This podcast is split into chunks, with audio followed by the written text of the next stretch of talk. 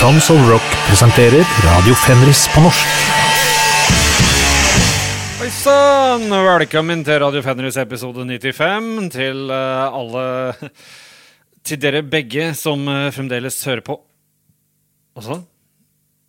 De har gått for å selge bruktbilen sin? Hvordan, hvordan bruktbil var det? Opel Manta? Nice! Ja, altså, til dag eh, til, til dag? I dag er det en totalt usaklig eh, episode, gitt. Altså, jeg har sjelden sett større sprik, som en uh, gammel uh, sportskommentator sikkert uh, sa en gang. Men ja, nei, dette blir en rar reise. Vi har liksom kobla inn to første. De er bankers. Så neste to låtene, der er det altså Det er så stor forskjell på musikkstilene at jeg, jeg har aldri vært borti makan. Og jeg har eklektisk og rar smak, ass. Og så skal det allikevel være innafor rock og metal, ja. Og så avslutter vi med, med, med noe helt uh, uvant som, uh, som, vi ikke har hatt mye av her i dag. Og så har jeg slengt med en liten raring innimellom uh, blant siste kapittel, dvs. Si siste fire låtene. Første fire, der går vi til et band som spilte i en film en gang. 1986-film som heter Verlierer, altså taper. Eh, den skal jeg jaggu eh, Jeg hadde egentlig tenkt å se den etterpå, men jeg har mest lyst til å høre på eh, den derre MOD-skiva som kom i 1987 jeg, i dag. Også den Adrenalin og D-minihjelpen. Så um, da blir det vel med det. Men den filmen da, den var jo om sånne gjenger og greier, og det var mye ryggmerker og kutte og alt mulig eh, nede i Tyskland. Men eh, bandet starta i Welbert i 1984, to mil nordøst for Düsseldorf. Og de hadde et uh, par uh, ja, Tre demoer, to live-demoer. Uh, og alt var liksom sånn Burde, ikke, vært, burde ikke skiva komme i dag i 1986? For det høres jo veldig 1986 ut. Til og med kanskje litt 1985. Men nei, den kom ikke før i november i 1987. Da kom den på Roadrunner, men med et ganske trist platecover. Så jeg gikk fullstendig glipp av denne plata. Men uh, da disse tyskerne hooka tak i meg i 2003-2004-2005, så var det jo uh, å sende meg uh, Violent Force da med en gang, og, og, og patcher og alt mulig, så jeg kunne digge de skikkelig. Og så begynte jeg å henge med Jonas Svensson, og han hadde jo eh, kontakt med trommisen her, Atomic Steif, og hadde tiltuska seg den uutgitte skiva deres, som de sikkert spilte inn da i kanskje 88 eller noe. Ja, utgitt, og den er fremdeles ikke på lista på Metal Archives, men hvor er det den utgitte skiva ligger, da? Jo, den ligger eh, rett og slett på Spotify, den nå. Og her har jeg liksom hegna om den CD-en og passa meg for å ikke spre den, og passa meg at ingen skulle finne den i, i, i 15 år. og plutselig så er den på Spotify.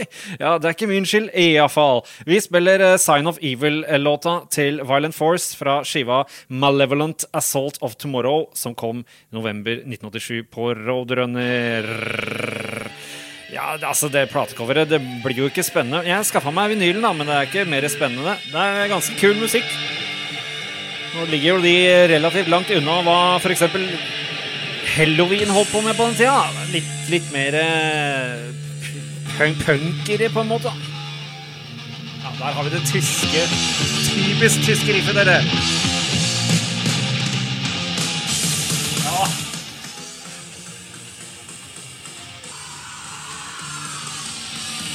Ja, den får bråke fra seg litt på slutten, da. Men altså, tøyer jeg strikker langt hvis jeg sier at uh, hvis man ikke liker det midtpartiet der, med først sånn harmonisolo og så ordentlig vanlig solo, da liker du kanskje ikke metal, altså. Det jeg må nesten bare beklage.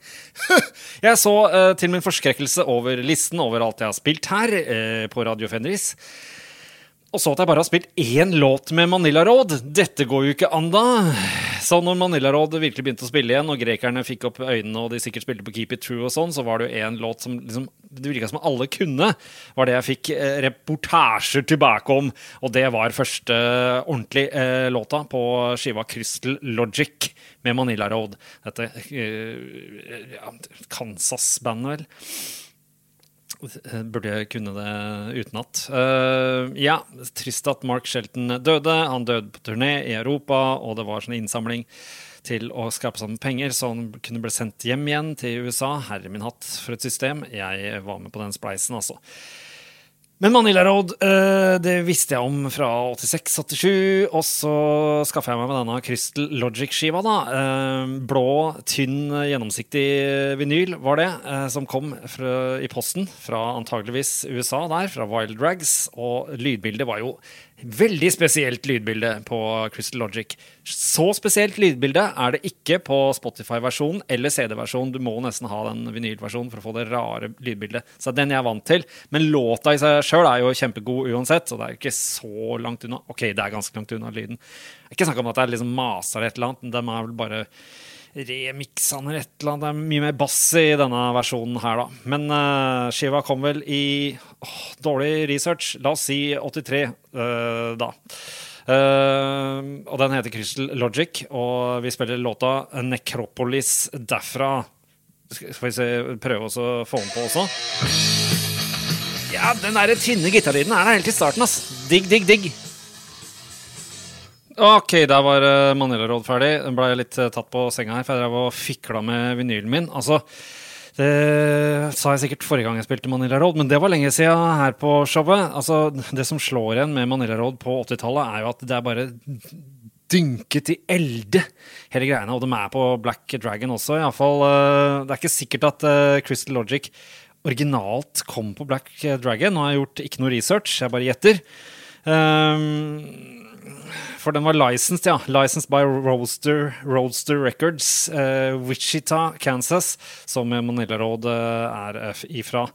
Så da Manila Road signa med Open the Gates-skiva og um, The Deluge, henholdsvis 85 og 86, så tenker jeg Black Dragon også ville gi ut denne her. Så det er den versjonen jeg har. ja, det blir liksom på en måte metal med slengbukse og pannebånd-feeling. Uh, rart, men uh, allikevel kjempefint. Altså, rar vokal og kjempehøy vokal. Det er bra. Jeg sang akkurat uh, inn heavy, Eller akkurat i fjor og forfjor sang jeg en heavy metal-plate. Ganske fornøyd. Uh, og så var det masse mastering, og etter hvert som den mastret, så ble vokalen lav. Og jeg sa det, det er ikke så farlig. Men ofte så er det lurt å ha høy vokal, altså. Samme, samme om man er fornøyd eller eh, ikke. Bare så det sagt. Nå er det Rose Tattoo som står uh, foran våre ører, for det har jeg ikke spilt her før. Jeg digger egentlig Nice Boys-låta uh, deres mest. Og så litt seinere, for den hørte jeg jo kjempemye på Elm Street Rock Café uh, på 90-tallet. Da hadde ikke jeg noe Rose Tattoo. Visste ikke om det på 80-tallet. jeg. Men det er jo den Rock'n'Roll Outlaw de uh, slo igjennom med Altså, her var det medlemmer fra Buffalo som var innom og greier. Det bandet jeg også ikke har spilt her. Det skal vi gjøre, for det, det kjenner jeg til fra før. Ganske tunge saker fra tidlig 70-tall. Um, og medlemmer av Angry og Digger da, var fra Busty Brown. Starta i 1976 i Sydney.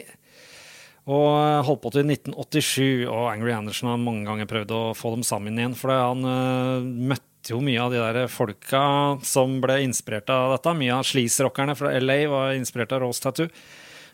Guns Roses covra jo Nice Boys, da. Uh, men uh, førsteskiva her, som vi skal spille fra, 1978.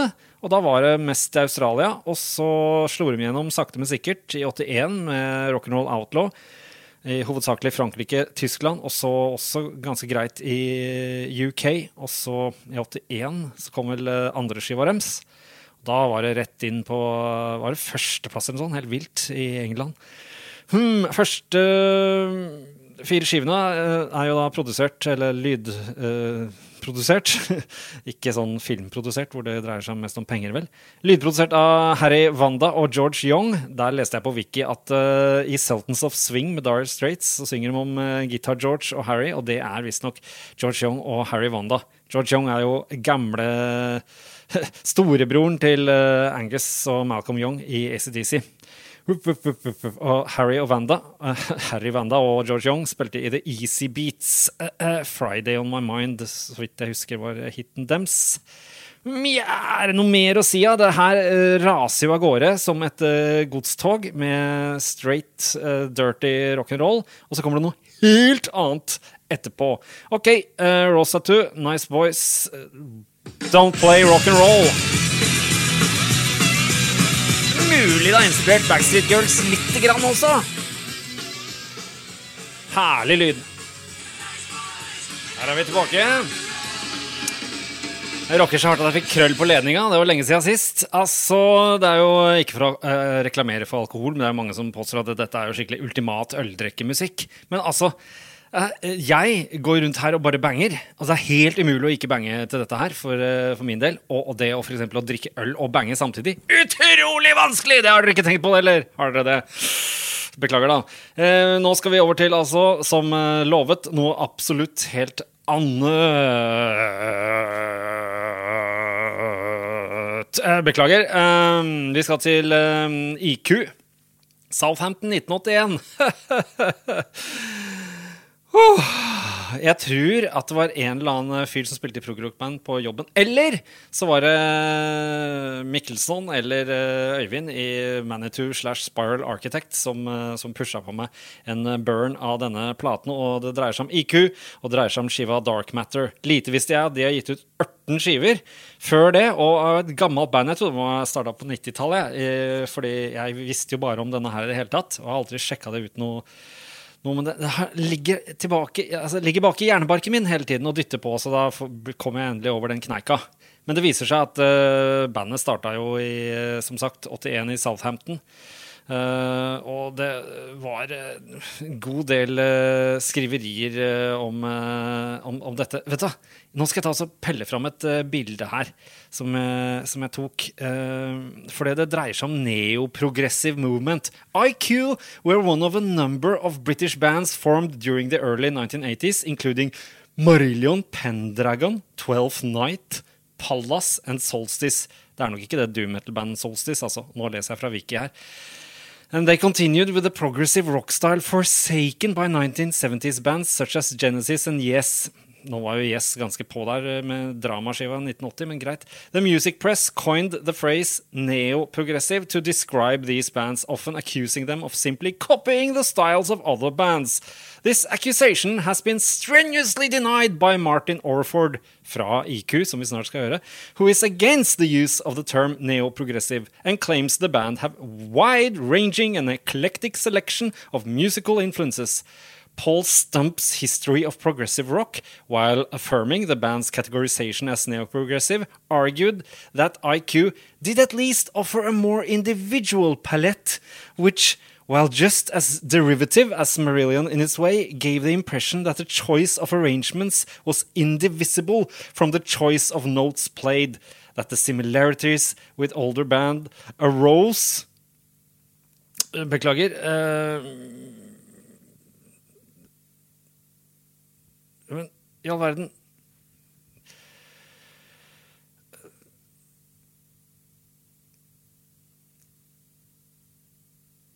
Gir opp, ass.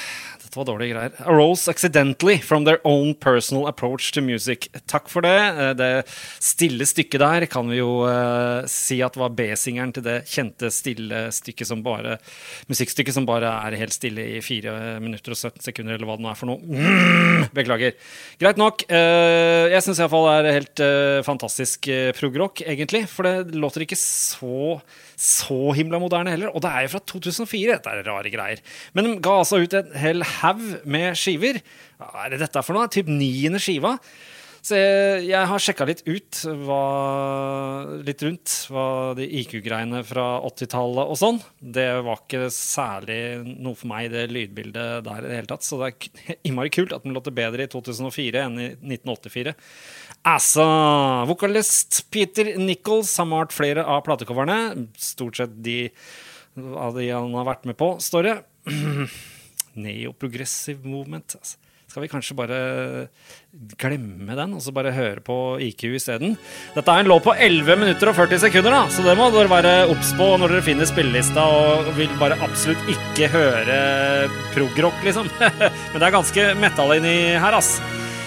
Så det som liksom skilte dem ut en del fra, fra en del andre som prog-band, at han gitaristen her var, litt, var litt heavy. Greit. Beklager. Åh, herre min hatt, altså.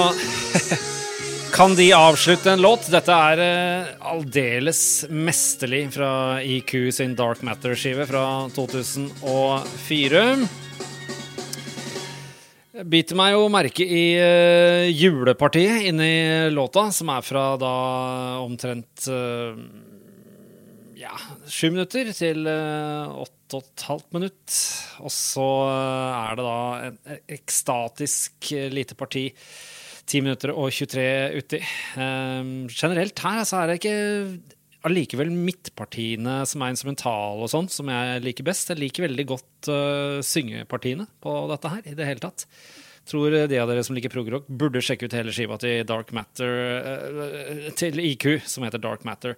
Jeg har ikke satt meg enormt inn i dødsmange andre, men greit. Nå skal vi over til det vanskelige kapitlet, dagens vanskelige kapittel, hvor det dreier seg mer om uh, rock. Men frykt ikke, på låt nummer sju så har vi noe ja, spennende som jeg har en liten historie bak. Dette er altså et orkester som jeg har hørt blitt slengt rundt av uh, crustpunk-venner av meg. Som jo etter hvert ble veldig fort lei av at alle andre crustpunkere så helt ut som dem. Og så begynte de liksom bare vi må finne noe annet å høre på også. Konsentrere på det andre vi liker, enn akkurat det. Så vi ikke blir sånn trendnisser eller et eller annet. Ja, Men jeg sjekka det aldri ut, da. Og så hadde jeg noe annet orkester som også het Leatherface, som var noe annen musikk. Så jeg liksom blanda det med det og tenkte det kanskje ikke er noe for meg. Og så liker jeg ikke bandnavnet egentlig. Gjør ikke det, Leatherface. Uh, må da være en karakter fra uh, Texas eller uh, Kansas Chainsaw Massacre. men, men greit nok. Når jeg hører da Mush-skiva til Leatherface, som var den jeg fikk anbefalt, så bare hører jeg USA. Det hører jeg. Og så er de fra Sunderland! De starta i 1988. What?! Nei, altså Jeg må nesten ta en liten pause her. Vent litt. Der er jeg tilbake. Uh, altså, Sunderland 88 holdt på til 94. Uh, Starta i 98 igjen, holdt på til 2012. Men liksom Leatherface hvem har hørt om det? Eh, er det så fantastisk? Ja, altså Starte opp et uh, sånt type band i England 1988. Rart. Men de ble jo eh, hyllet av kritikere. Men ikke så mye av fans, føler jeg. Egentlig, for de har for få lyttere, månedlige lyttere til det i det hele tatt. Til å være så bra som det er. Uh, I 2008 så ble det et, uh, et uh, samlealbum sluppet med 35 band som coverer dem, som sier at de har blitt inspirert av Leatherface. vi skal høre en fantastisk låt som heter Not Superstitious, fra skiva Mush. Det er altså, og det er ikke Mosh. Jeg veit jeg skal høre på MOD etterpå, men det er Mush, ikke Mosh. Greit. Leatherface, uh, no, uh, not superstitious. Uh, og, altså, jeg bare digger den skiva. Når jeg fikk høre den skiva sånn, Jeg begynner å bli snart 52. og jeg sa da til nære nær bekjent at dette her kommer til å bli den, den siste skiva i, i, mitt liv, antageligvis, som kommer til å sette seg, og som kommer til å bli liksom en del av meg. Uh, det er jo synd at jeg ikke fikk høre dette her i 1990 eller noe sånt, men uh, den har den vel uh, kanskje ikke kommet ut engang. Greit, det må jeg jo sjekke til etterpå. Not Superstitious med Leatherface fra Sunderland her, altså. Og hvor, hvordan musikkstil er det? Jo, altså Skulle jeg sagt det, men jeg er ikke ekspert, så ville jeg sagt sånn post-hardcore, uh, alternativ rock men altså det, det, blir litt, sånn, litt sånn, sånn svenskealternativ rocken også. Sånn Popsicle har noe av dette. Altså, what?!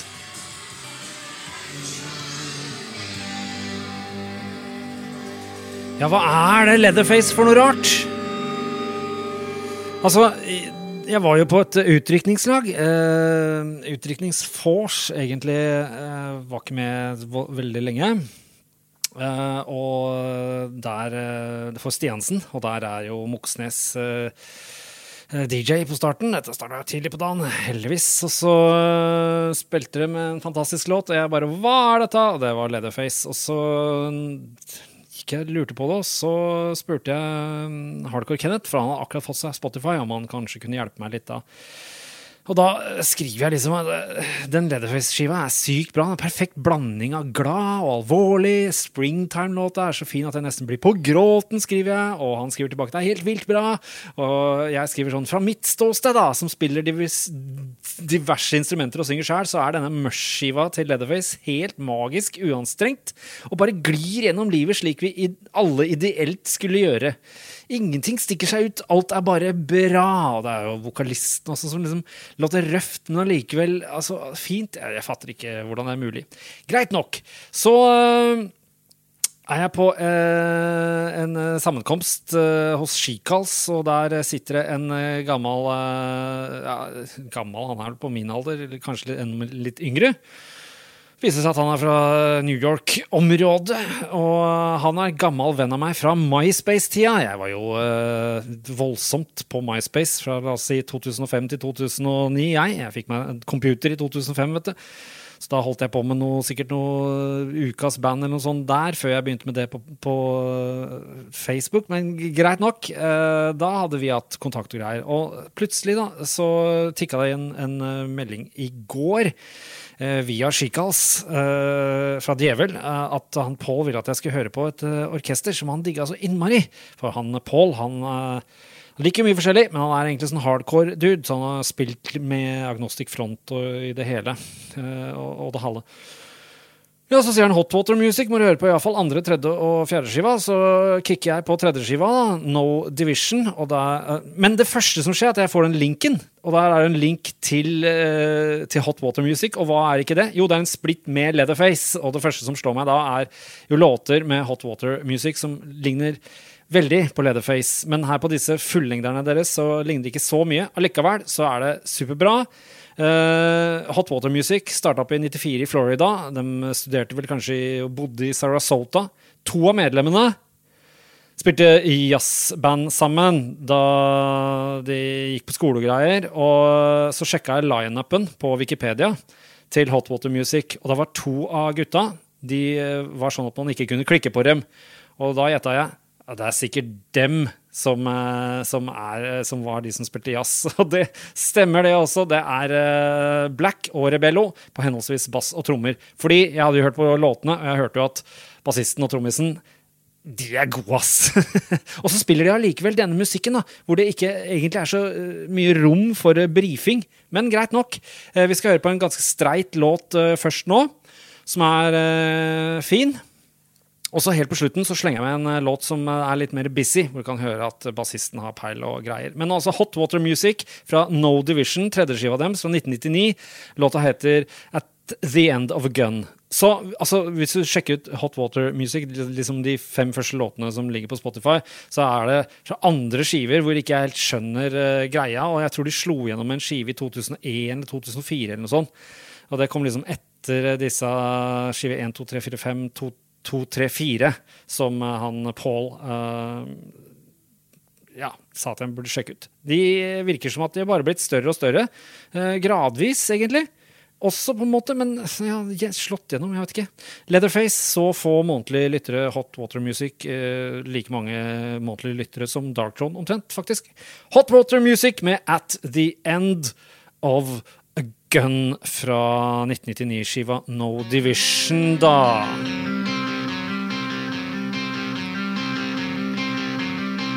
Hva skal man kalle stilen? Hva skal man kalle dette?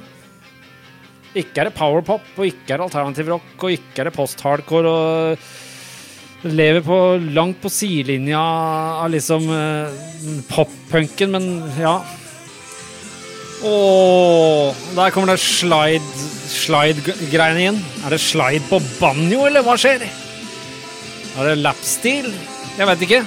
Iallfall tilbake til Rolls Tattoo-greiene. Så var det jo Han fikk jo med seg slide-gitarist fra Buffalo der. Men greit. Altså, ja, hva er denne musikken her? Altså, jeg står jo med en alvorsrynke i panna og sånn uh, bekymra rynke mellom uh, øyenbryna. Så det, altså, det, det, er ikke veldig happy heller. Men er det emo, egentlig? Altså, tipper veldig få som hang på Oslo S og kledde seg i, i harekostymer, hørte på dette. Men hva, hva veit jeg? Jeg vet ikke.